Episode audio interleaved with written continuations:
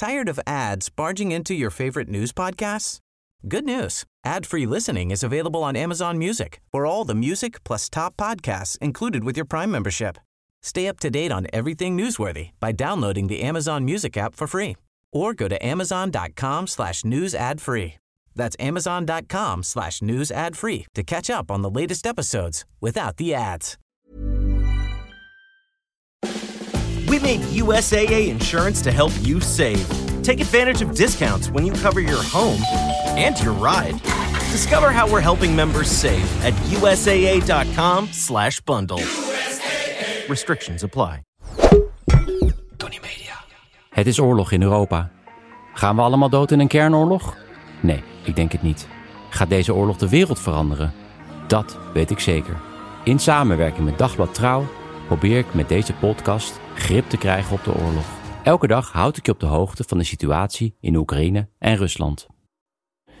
En dit gebeurde er op dag 78 van de oorlog.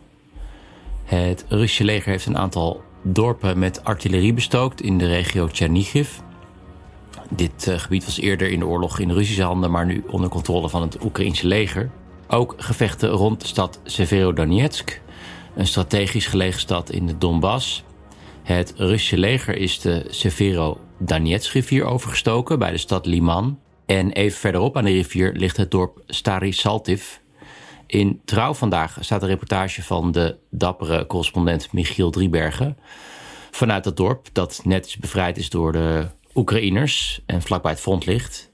En hij schetst daar de dilemma's voor leiders in oorlogstijd. Zo hebben de Russen zich in dit dorp uh, tijdens de bezetting niet misdragen, in tegenstelling tot veel andere plekken. En dat is dan weer te danken aan het dorpshoofd, die op goede voet was met de Russen om ellende te voorkomen. Maar toen het dorp werd bevrijd door de Oekraïners, is het dorpshoofd opgepakt op verdenking van collaboratie. Dit tot afschuw van de dorpelingen die hem juist dankbaar zijn. Er staat een link naar die interessante reportage in de show notes. Voor het eerst is er een burgerdode gevallen aan Russische zijde. Tenminste, dat meldt gouverneur Gladkov van de regio Belgorod, regio die grenst aan Oekraïne. Er zouden ook nog zeven gewonden zijn gevallen. Op zijn telegramkanaal uh, staan foto's van beschietingen van het dorp Solochi. Je ziet een Lada met een kapotte autoruit en wat schade op het dak. En ja, bizar genoeg een foto van een Duitse herder, helemaal ongedeerd.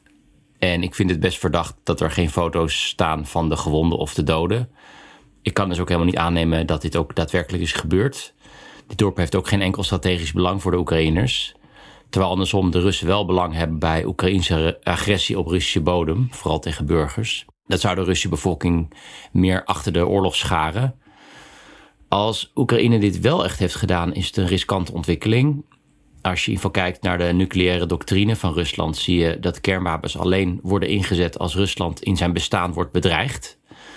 En ja, dat geldt niet zolang ze in Oekraïne vechten, maar aan de Russische zijde is dat een ander verhaal. Niet geheel toevallig maakt het Witte Huis bekend dat ze geen inlichtingen zouden delen van de locatie van Russische legerleiders of van Russisch materieel buiten Oekraïne, dat wil zeggen in Rusland. Hiermee wil Amerika duidelijk maken dat het op geen enkele manier een aanval in Rusland ondersteunt. Amerikaanse inlichtingen zijn belangrijk geweest bij het traceren en doden van Russische generaals, waar naar schatting tien van zijn omgekomen. De opperbevelhebber Gerasimov van het Russische leger is nog steeds vermist, sinds hij eind april het Oekraïnse front bezocht. Finland is weer een stap dichterbij NAVO-lidmaatschap. De premier en de president van het land maakten bekend de lidmaatschap te steunen. Binnen enkele dagen zal er een beslissing worden genomen. Door de oorlog is de steun door de Finse bevolking overweldigend nu voor lidmaatschap. 80% is nu voor en zes maanden geleden was dat nog 20%. Intussen heeft Groot-Brittannië de veiligheid van Finland en Zweden gegarandeerd.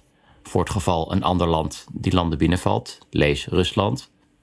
Geen steun van bijvoorbeeld Frankrijk of Duitsland, slappe hap. Ook Zweden neigt nu naar NAVO-lidmaatschap. Geheel voorspelbaar reageerde Rusland dat een NAVO-lidmaatschap van Finland en Zweden een bedreiging voor de Russische veiligheid zou zijn en alle mogelijke maatregelen zou nemen om de veiligheid van Rusland te waarborgen. Finland deelt een grens van 1300 kilometer met Rusland. Oké, gaan we nu door naar de Russische media. ja, de Oekraïners zwart maken als nazi's is niet genoeg. Vorige week meldde ik al dat de Russische media het Oekraïnse leger beschuldigen van zwarte magie. En vandaag zat er een item in het Russische journaal vanuit Mariupol op een plek waar Oekraïnse soldaten hadden gezeten. Vond de correspondent een pornoblaadje. Ja, dit om aan te tonen hoe verdorven het Russische leger wel niet is. Dit leidde tot veel hilariteit op de telegramkanalen, want sowieso, wie koopt er nou nog een seksblad in 2022? Zou ze eigenlijk nog bestaan? Vroeger had je die bij de tankstations. Nou ja, ehm, je kijkt toch gewoon op je telefoon. Dat zal wel van de Russen zijn geweest, dat blaadje, grapte sommigen. Russen worden sinds het begin van de invasie geweerd door Pornhub. Wie in Rusland naar die site gaat, die uh, ziet alleen maar een Oekraïnse vlag. Verder las ik een interessant stuk in de Nieuwe Stem van Oekraïne. Dit is een journalistieke website opgericht door een groep Oekraïnse journalisten in 2014, het jaar van de annexatie van de Krim. De site is in het Oekraïens en het Russisch, maar ook in het Engels. Ik zal een link naar de site in de show notes zetten. Ik probeer wat meer mijn nieuws te diversificeren. Ik ben door mijn Russische achtergrond, ja, ik heb vijf jaar in Moskou gewoond, misschien wat te veel gericht op de Russische media. Als je trouwens nog tips hebt voor goede onafhankelijke Oekraïnse media, laat me vooral weten. Het artikel gaat over een dorp in de buurt van Krivoy Rog. Dat is de geboorteplaats van Zelensky. En om die reden is de stad een tijd lang onder vuur geweest door het Russische leger.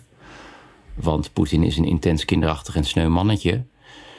Zij hebben de aanvallen weten af te slaan. En het is nu een toevluchtsoord voor vluchtelingen uit de regio Gerson in het zuiden van Oekraïne.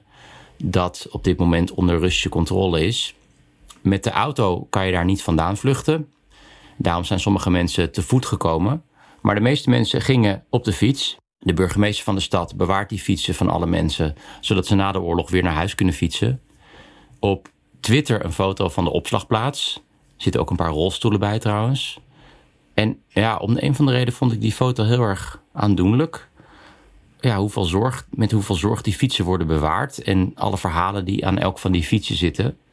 Ik zet die foto ook nog wel even in de show notes. Oké, en dan nog dit.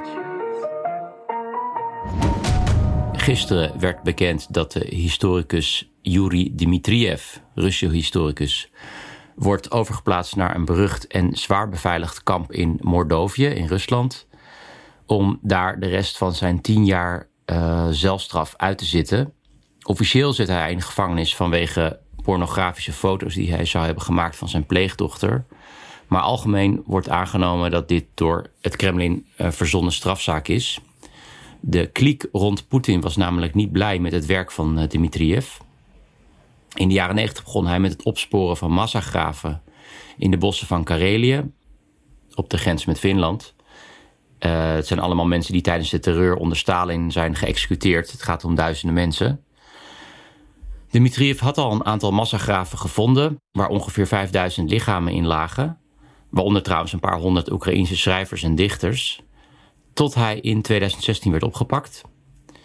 En ja, waarom zou je een historicus zo graag achter de tralies zien? Waarom zou je zo bang zijn voor zijn werk? Volgens de Russische journalistieke site Project zou Anatoly Serushev, een beetje een schimmig figuur dicht bij Poetin, daar zelf voor hebben gezorgd. Een familielid van Serushev zou verantwoordelijk zijn geweest voor de executies tijdens de terreur van Stalin. En ja, zo heeft hij een zwarte bladzij uit zijn familiegeschiedenis proberen te bedekken. Maar los hiervan past die arrestatie van Dmitriev in een patroon om alle pogingen om de terreur van Stalin bloot te leggen te dwarsbomen. Tijdens Poetin zijn alle musea over die terreur gesloten. Net als de organisatie Memorial, die wandaden van Stalin onderzoekt.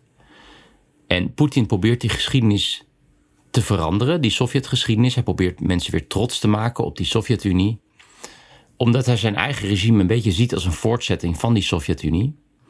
En ja, die 700.000 executies onder Stalin, die moeten we maar even vergeten. In de nieuwste geschiedenisboeken staat Stalin omschreven als een effectief manager. Uh, daar wordt verder die terreurdaden niet genoemd.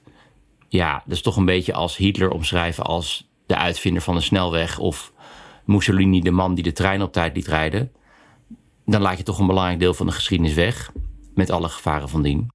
Dit was het voor vandaag. Morgen sta ik met mijn theatercollege in de oude Luxor in Rotterdam. Jullie zijn allemaal van harte welkom natuurlijk. Verder zoeken we nog adverteerders voor deze podcast. Uh, geïnteresseerde bedrijven kunnen een mail sturen naar adverteren.tonnymedia.nl Tony is, zoals altijd, met een Y. Tot morgen. Dit was een productie van Tony Media en Dagblad Trouw. Voor meer verdieping ga naar trouw.nl. Tired of ads barging into your favorite news podcasts? Good news. Ad-free listening is available on Amazon Music. For all the music plus top podcasts included with your Prime membership. Stay up to date on everything newsworthy by downloading the Amazon Music app for free or go to amazon.com That's amazon.com slash news ad free to catch up on the latest episodes without the ads.